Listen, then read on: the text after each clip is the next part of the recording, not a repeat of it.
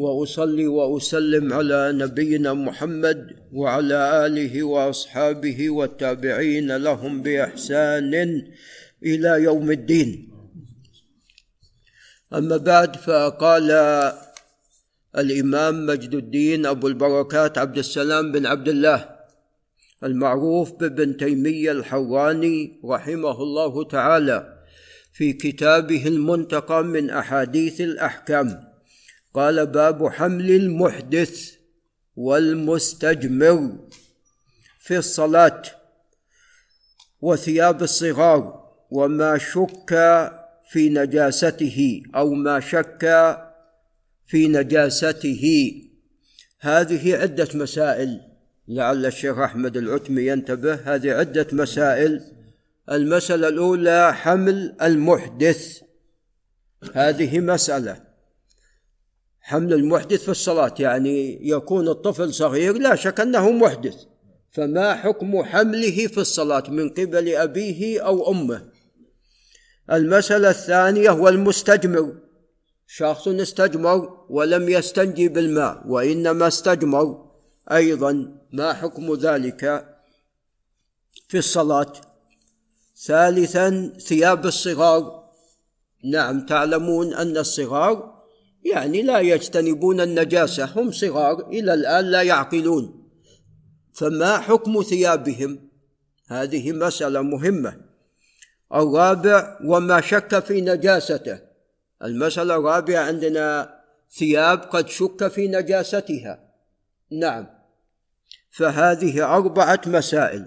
أما المسألة الأولى وهي حمل المحدث فلا بأس بذلك. والدليل على هذا ما سوف يأتي. أن الرسول صلى الله عليه وسلم خرج عليهم وهو حامل لمن؟ لأمامة بنت زينب. نعم وجزما هي صغيرة محدثة.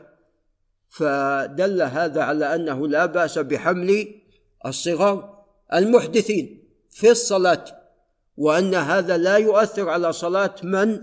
الحامل. أن هذا لا يؤثر على صلاة الحامل الذي حمل هذا الصغير المحدث.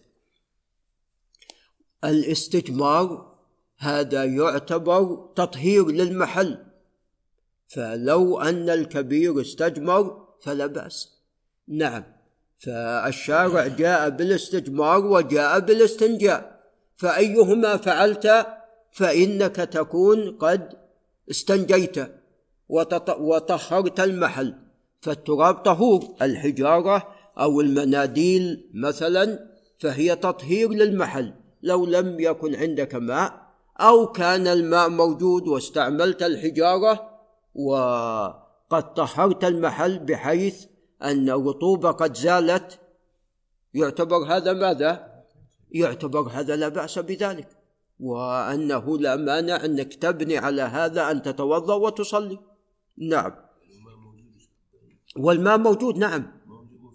والماء كثير. لا بأس أن تستعمل الحجارة. لو حتى كنت على نهر. مو الوضوء المقصود ما في مانع. الشارع جاء بهذا وذاك. نعم كونك تستعمل الماء هذا أولى. لأن الرسول عليه الصلاة والسلام كان يستعمل الماء. والماء يعني لا شك أنه ينظف أكثر من الحجارة. لكن لو استعملت الحجارة أو المناديل لا بأس بذلك. وتوضيت. وتوضيت لا بأس بذلك. طهارتك صحيحة كاملة. نعم. المسألة الثالثة حكم ثياب الصغار. إذا لم يكن يعني ما رأيت على ثوب الصغير نجاسة فلا بأس ماذا؟ أن تحمله وتصلي وتصلي به. إذا لم ترى على ثوب الصغير نجاسة فلا بأس أن تحمله وتصلي ماذا؟ وتصلي به. ما في مانع من ذلك. رأيت نجاسة؟ نعم لا تحمله. والله إذا كان حفاظة بحيث بارك الله فيكم أن البول لم يخرج خارج الحفاظة. يعني أنت ما رأيت البول على الحفاظة وإنما شيء داخل فلا بأس. لا بأس بذلك. نعم. رابعا ما شك في نجاسته لا يلتفت إلى الشك. في باب الطهارات والنجاسات لا يلتفت. في باب الطهارة لا يلتفت إلى الشك. بينما في مسألة الزواج أو مسألة أرسلت كلبك بما أن الشيخ بندر من الصيادين لكن ما يصيد بالكلب بالبندقية لكن لو واحد يصيد بالكلب وأرسل كلب المعلم. وعندما جاء وجد مع كلبه المعلم كلبا آخر. فلا تأكل. مع أن الاحتمال خمسين بالمئة. الآن كلبين. واحد أنت أرسلته. لعل أبو صالح ينتبه. أنت أرسلت كلبك قلت بسم الله وأرسلته. على الصيد. يوم جيت الصيد موجود. قد صيد. ووجدت مع كلبك كلبا آخر. فلا تدري هل كلبك اللي صاد أو الكلب الآخر فلا تأكل. لكن في باب الطهارة لا. لو شكيت بنسبة ثمانين بالمئة ما ألغى هالشك. نعم لو ثمانين بالمئة حتى تستيقن. حتى تستيقن. أنت في الصلاة شكيت أحدثت ولا لا؟ خرج ريح ولا ما خرج؟ بما أن في شك موجود إذا خلص ألغي الشك حتى تستيقن.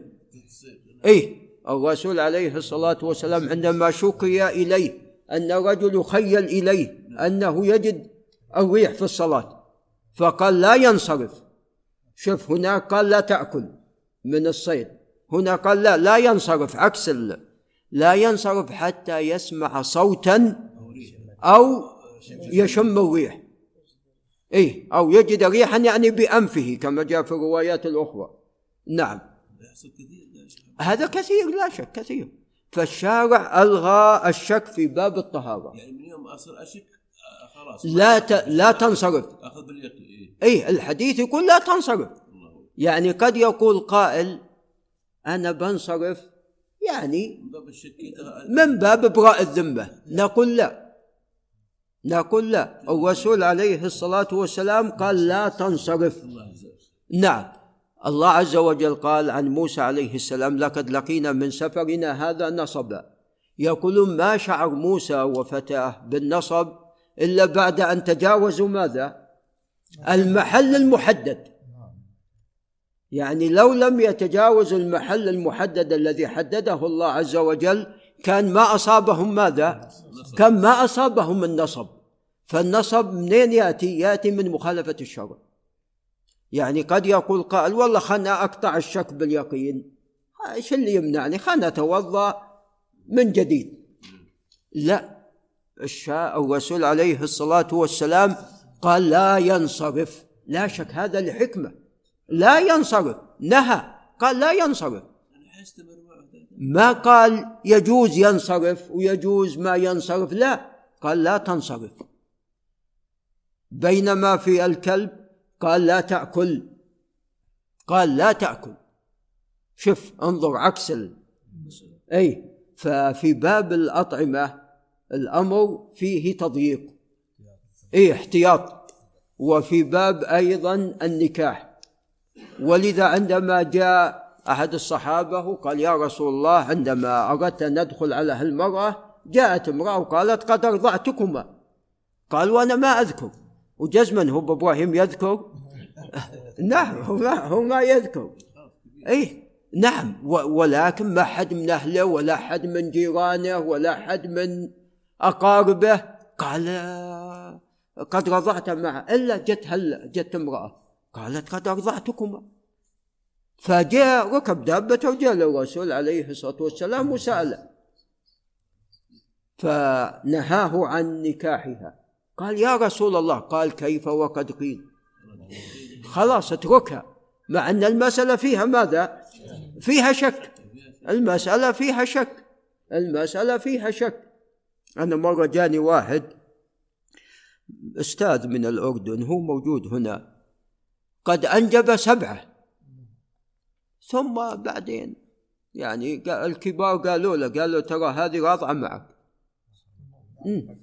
نعم. فأنا استفصلت من عنده. المهم قلت له خلاص.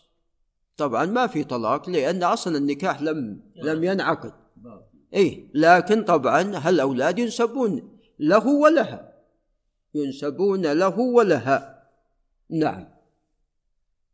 فهذه الشارع جاء فيها بالاحتياط لكن مسألة الطهارة لا. حتى تستيقن هذا الماء شكيت فيه نجس ولا طاهر لا حتى تستيقن. نعم. قال وعن أبي قتادة الأنصاري الحارث بن ربعي رضي الله عنه أن رسول الله صلى الله عليه وسلم كان يصلي وهو حامل أمامة بنت زينب. بنت رسول الله صلى الله عليه وسلم. فإذا ركع وضعها لأنه أكيد جزما أبي يركع كيف يحملها؟ فكان يضعها عليه الصلاة والسلام في حال الركوع. وإذا رفع حملها نعم. أو إنه إذا انتهى من السجود وأراد أن يقوم ماذا؟ حملها. إذا انتهى من السجود وأراد أن يقوم هنا حملها عليه الصلاة والسلام. نعم حتى انتهى من الصلاة. فعل هذا عليه الصلاة والسلام حتى يعلم من؟ يعلم أمته. حتى يعلم أمته وأن هذا الأمر لا بأس به.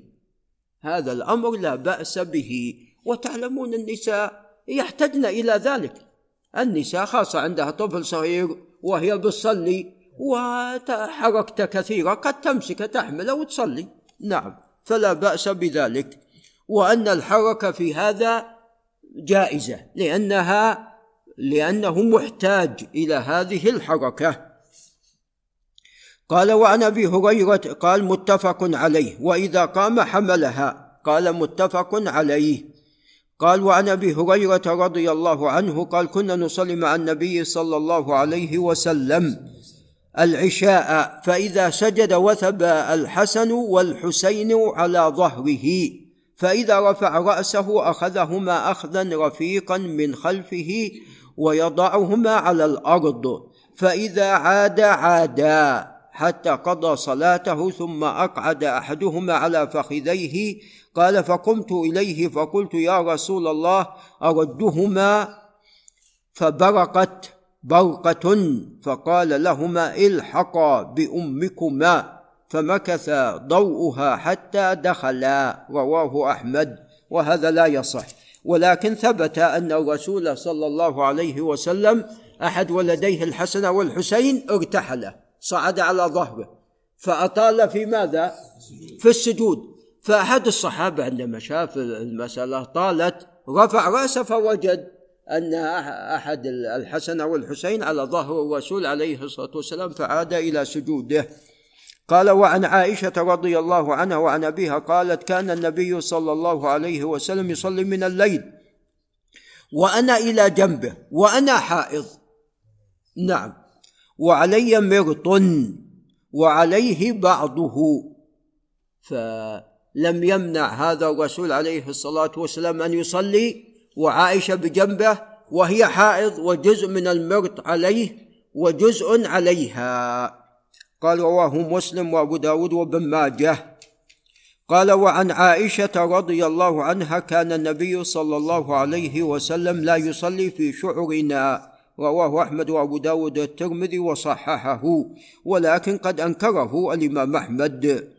قال ولفظه لا يصلي في لحف نسائه والصواب أنه كان يصلي في لحف نسائه صلى الله عليه وسلم. ولعل نقف عند هنا. هذا وبالله تعالى التوفيق.